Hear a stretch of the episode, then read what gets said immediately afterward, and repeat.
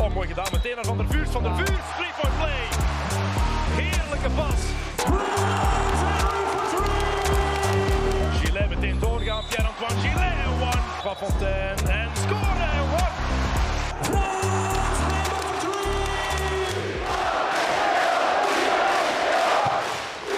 Welkom bij een nieuwe Man to Man. En vandaag is onze gast Servaas Buisgaard. Welkom Servaas. Dank u. Stel jezelf eens kort voor. Eh, ik ben Servaas Buisgaard, center voor uh, Filo Oostende. Al uh, toch al enkele jaren. En ehm, geboren in Kortrijk en woon nu al sinds mijn zestiende hier in Oostende.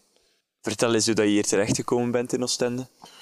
Um, ik ben begonnen met basket in Kortrijk. Um, toen ben ik naar de topsportschool gegaan in Leuven. Alleen in Brugge eerst, dan naar Leuven. Um, gecombineerd met Kortrijk. En, uh, mijn, toen ik 16 was, heeft Oostende mij gevraagd voor de basketschool. En na één bezoek hier uh, was ik eigenlijk helemaal verkocht om naar hier te komen. En zo ben ik van Kortrijk naar hier gekomen om in uh, zowel de, de jeugd van Basket C als deels al met Duva en zo mee te trainen en spelen. Op mijn 16e nog niet per se met Duva, maar wel met de U21 en de U18 van Basket C. Hoe lang speel je hier nu al? Van mijn 16e, dus dat is uh, 18, 18, 8 jaar. En is, is er in die acht jaar veel veranderd? In de basketschool is er veel veranderd. Ehm, ja, de coachingstaf, het beetje het, hoe, hoe alles werkt en zo is allemaal wat veranderd. Uh, in de eerste ploeg, ja, voor mij is het de grootste verandering is van jeugd naar eerste ploeg gaan.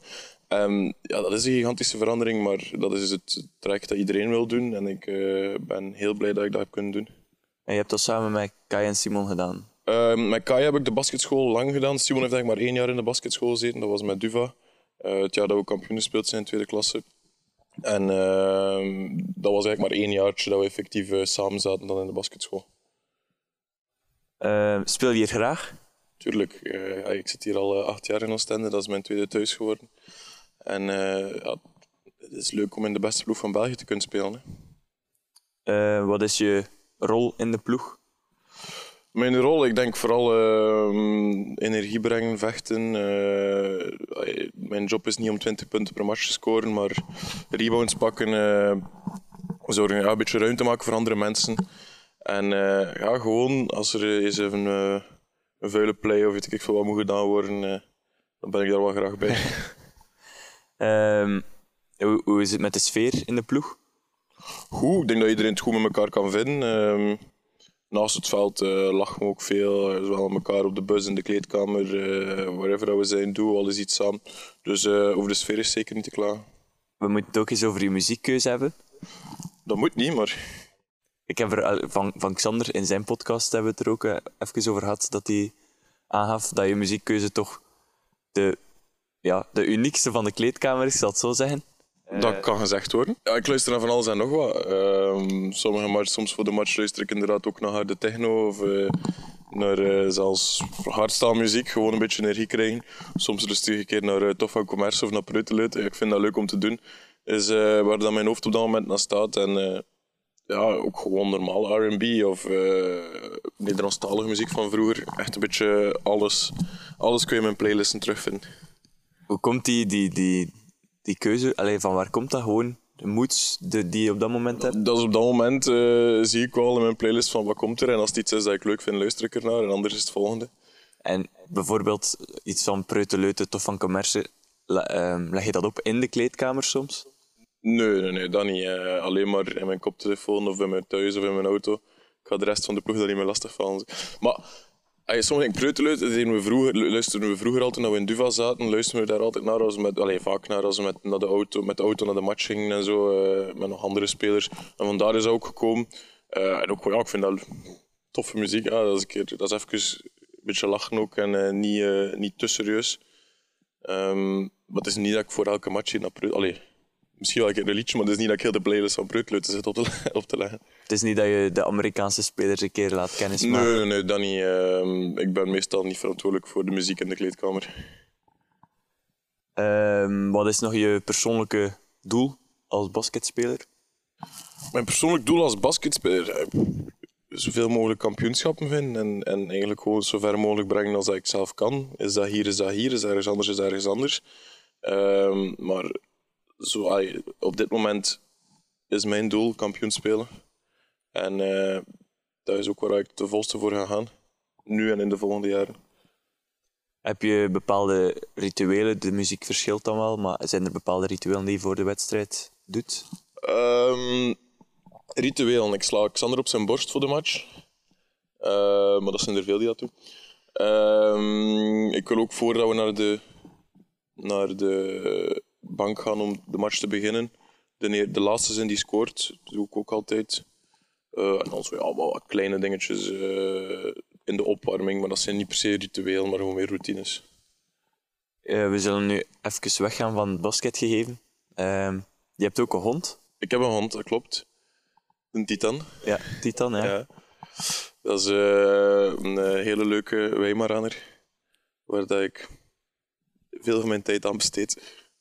Is dat een actief? Dat is een heel actieve ras. Ja. Dat is, eh, hij eh, heeft zijn energie en hij moet, er wel, hij moet die daarvan afgeraken. Maar ik heb hem ook van mijn energie afgeraken, dus eh, nee, dat past perfect. Maar wij genieten ook van samen een dutje doen en zo. Ik bedoel, dat is leuk. Om, ja, dat is mijn compagnon thuis en ik hou er enorm van. Kun je die nu zo alleen laten terwijl jij aan het trainen bent? Ja, dat is zo'n uur of vier, vijf is wel het maximum dat ik hem soms alleen laat, maar dat kan hij, ja. Ben je een familieman? Eh, ik ben zeker een familieman. Eh, mijn familie is heel belangrijk voor mij. Ze steunen mij ook enorm, eh, zowel mijn ouders als al mijn onkels, tantes, neven, tantes, neven, nichten, mijn zus. Ehm dat is heel belangrijk voor mij. Ik heb ze ook op mijn arm getatoeëerd staan. En ehm, ja, het is altijd leuk als, ik, als we een match spelen en ze sturen van ah, kunnen we komen kijken en dit. Of dat ze hier met veel zijn, of gelijk met de bekerfinale, dat ze met, eh, dat, dat ze met 80 uit Kortrijk gekomen zijn. Dat is heel leuk. Je hebt een grote familie dan. Eh, ja, dat was niet alleen familie, maar ik heb een, hele, allee, ik heb een grote familie, ja, maar eh, die 80 man was natuurlijk niet alleen familie. Maar eh, ja, ik heb toch veel neven, nichten, onkels, tantes. was superleuk, want vroeger waren we ook heel vaak samen. Nu iets minder, omdat iedereen zijn eigen job heeft en zijn eigen ding. Maar het is altijd leuk als we nog eens samen iets kunnen doen. Kom je uit een basketbalfamilie? Nee, alles behalve. Mijn vader heeft nooit gebasket, mijn moeder ook niet. En mijn familie ook niet. Er zijn veel volleybal. Allee, veel. Er zijn volleyballers in mijn familie. Mijn papa heeft nog gevolleybald op het hoogste caféniveau. Ehm mijn neef is nog een goede volleyballer geweest. eh, mijn nicht ook. Allee, ik denk dat volleybal eigenlijk de sport was in de familie. eh, maar ik ben gaan basketten en eh, ben blij dat ik dat gedaan heb. Dus je bent de enige die die, gaan, die, die sport doet Ja, nu. ik ben de enige in mijn familie die basket momenteel. Misschien later een van mijn kleine neefjes en nichtjes misschien. Hoe ben je daar dan in gerold in basketbal? Hoe is dat dan gekomen? Eh, gewoon omdat ik veel te veel energie had als kind. En mijn ouders wouden waarschijnlijk eh, een paar uurtjes per week van mij af. En basket kon een jaar vroeger doen dan volleybal. En daardoor hebben ze mij op basket gestuurd en daar altijd op gebleven. En het bleek dan toch een succes te zijn. Ja, later pas, want als kind was ik geen, eh, geen groot talent, om, om zo te zijn. Vanaf wanneer merk je dan dat je daar wel goed in bent? Ja, vanaf dat je een jaar of twaalf zit en, en, en geselecteerd wordt voor de provinciale selecties. En, maar dat is dan zelfs nog niet op een niveau dat je denkt van ik kan daar mijn job van maken. Of ik kan er dat gewoon op niveau van ja, ik kan wel basketten. En dan rolde overal in. En het is niet opeens dat je moment zegt van ah ja, nu kan het. Ja. Mijn moment is pas gekomen. Het moment dat ik de eerste keer nog mee trainen met de eerste ploeg, dat ik iets had van oké, misschien kan dit wel. En dat is pas toen dat ik 17, 18 jaar was. Je woont nu van je was het, 16 of je bent van je 16 in Oostende.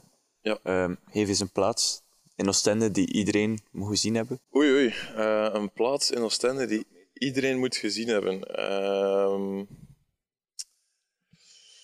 een plaats in Oostende die iedereen moet gezien hebben. Ik vind dat, ik vind dat heel moeilijk. Ehm, onze zaal. nee, ja, het- voor mij is het strand eh, het leukste, omdat ook met de, om ook met de hond te gaan wandelen. En meer dan aan de, kant van, eh, de andere kant van het water. Eh, allee, van, de, van de haven daar meer richting Brede, maar nog altijd Oostende dan Fort Napoleon en zo. Vind ik heel mooi en ik dat dat wel een plaats is dat de mensen eens moeten gaan bekijken. Je bent van Kortrijk, dus je bent nog steeds je bent West-Vlaming ook. Inderdaad. Ehm, dus je hebt wel het geluk dat je hier dan kunt basketten in de West-Vlaamse basketploeg. Inderdaad, eh, ah, ik vind dat heel leuk dat ik niet te ver van huis zit. Ehm, En ik zeg, mijn familie is belangrijk voor mij. Ik vind, altijd, ik vind dat superleuk dat ze kunnen komen kijken en dat ze kunnen eh, supporteren. En dat het ook niet te ver is om een keer naar, eh, naar huis te gaan. Want ja, wat is dat, 14 minuutjes? is geen grote moeite om dat eens te rijden. Hè. En geef eens een, een plaats in Kortrijk die iedereen moet gezien hebben. Eh, dat, is ook, dat is nog moeilijker. Ik ben er ook niet zoveel in Kortrijk. Hè. Ehm, nachtwinkel Sadik van mijn beste maat. En waarom? Omdat dat van mijn beste maat is.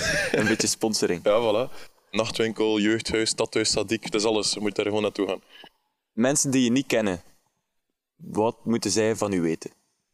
Wat moeten ze, zij van mij weten? Ehm, ik ben een heel sociaal persoon. Eh, ik kan met iedereen wel een klapje doen en met iedereen wel eh, overeenkomen. En ehm, dat ik op zo'n moment altijd alles aan mocht vragen. En ehm, ik praat veel en zo. En, eh, ik vind dat leuk. Sommigen vinden dat minder leuk, maar kijk, dat is wie dat ik ben. En ehm, ja, ik, ik sta er gewoon altijd. Ik wil er gewoon altijd staan en altijd mijn best doen voor eh, alles en iedereen. Als je aan je vrienden vraagt hoe dat ze u zouden beschrijven, hoe denk je dat ze dat zouden doen? Luidruchtig. Ben je zo luidruchtig? Ja. En, ja, en eh, groot gaan ze ook zeggen. Eh, maar ook gewoon inderdaad iemand, denk ik, die eh, veel om er heeft. Gewoon een heel sociale gast. Ja. Wie ben je eigenlijk naast basketbal? Zijn er dingen die je doet? Ik eh, golf, ik surf. Ehm, eh, ik ga heel veel gaan surfen. Maar, nu iets minder, want dat wel slechter weer was en zo. En in het seizoen is dat wat druk. Maar in de zomer ga ik heel vaak gaan surfen met mijn buren en zo. Ehm, ja, ik ben iemand die heel graag bezig is met van alles en nog wat. Ehm, maar die ook wel gesteld is op zijn... eh, of gewoon soms een keer op zichzelf of eh, rustig met mijn vriendin te zijn. Echt eh, op het gemak, dat is heel belangrijk voor mij. En hoe komt dat dat je graag surft? Hoe is dat er gekomen? Via mijn buren, die deden dat. En die hebben me een keer gevraagd om mee te komen. En dat is heel leuk. Dat is echt gewoon een keer een uurtje, twee uurtjes. Met niks bezig zijn. Je hebt je gsm niet, bij- kun je gsm niet bij hebben. Eh, je bent niet bezig over de basket. Je bent niet bezig over whatever dat er maar is. Gewoon bezig met op het gemak te surfen. En dat golfen, hoe is dat er gekomen? Ehm, dat is mijn papa eigenlijk dat we beginnen doen. Maar dat is niet echt een succes geweest momenteel om dat samen te doen. Omdat we altijd niet veel tijd hebben. Ehm, maar een keer een initiatieles dat we gedaan hebben ergens. En dat we dan zeiden van ja, we willen dat wel een keer proberen. En ik heb dat nog wel vaker gedaan. Maar eh, mijn papa moet, moment, moet er nog aan beginnen. eh. Maar de droom is er nog. Ja, het zal wel zijn. Ehm, heb je nog andere hobby's? Eh zoveel tijd voor andere hobby's heb ik niet meer. Golfen en surfen en met mijn hond wandelen. En eh, dat gaat zijn qua hobby's, denk ik. eh, slapen. Zijn er nog andere dingen waar dat je van kunt genieten? Dat kan iets heel kleins zijn. Nee, echt gewoon eens een avond thuis. Gewoon op het gemak, niks doen, filmpje kijken. Meer moet dat echt niet zijn voor mij. Is Kortrijk de stad van uw hart? Eh, Kortrijk is mijn thuisstad. En Oostende is mijn tweede thuisstad. Oostende heeft mij heel veel gegeven. Kortrijk eh, ben ik al lang weg. Maar eh, ik voel mij nog altijd wel Kortrijks aan, ja, dat wel zeker. Maar, en mijn familie en mijn, en mijn dichtste vrienden wonen nog altijd daar. Maar ja, Kortrijk en Oostende zijn voor mij gelijk aan elkaar. Is er een bepaalde ploegmaat waar je het best mee overeenkomt? Goh, eh, niet per se. Ik denk dat we met iedereen een beetje overeenkomen. Eh, dus niet dat ik zeg van dat is nu een persoon, persoon dat ik het meest mee overeenkom. Of, eh, of omgekeerd. Nee, ik denk dat we gewoon met iedereen op dezelfde manier. Draag je nummer 14 met een bepaalde reden? Nee. Ehm, ik eigenlijk... ehm, ik draag het altijd Kortrijk, Kortrijk. 15 in Kortrijk. En toen, het jaar dat ik naar hier ging komen, was mijn eerste keer dat ik ook U16 deed met de nationale ploeg. En dan hadden ze mij 14 gegeven. En dan kwam ik hier in Oostende en dan dacht ik van, ja, nieuwe ploeg, nieuw nummer, heb ik 14 blijven doen. En dan, eh, het jaar dat ik naar de eerste ploeg ging, eh, ja, jonge gasten kunnen, maar als je niet echt... Allee, kunnen een nummer wel kiezen, maar als je nummer niet vrij is, is het niet vrij. En Rasko Katic was net weg en die speelde met 14.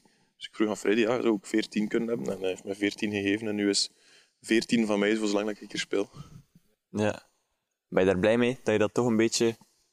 Ah ja, ja ik, was, ik vind het wel leuk eigenlijk dat het was toevallig net dat Rasko Katic vertrok en dat de 14 vrij kwam. Op het moment dat ik ook een beetje bij de eerste ploeg begon mee te doen. Dus eh, ja, ik was wel content met dat ik dat nummer kon houden. Maar nu vind ik dat wel belangrijk dat ik eigenlijk met datzelfde... Dat heeft niet per se een reden, maar misschien een beetje bijgeloof. Dat ik eh, wel met dat nummer wil blijven spelen. Voor de rest ben je niet bijgelovig. Nee.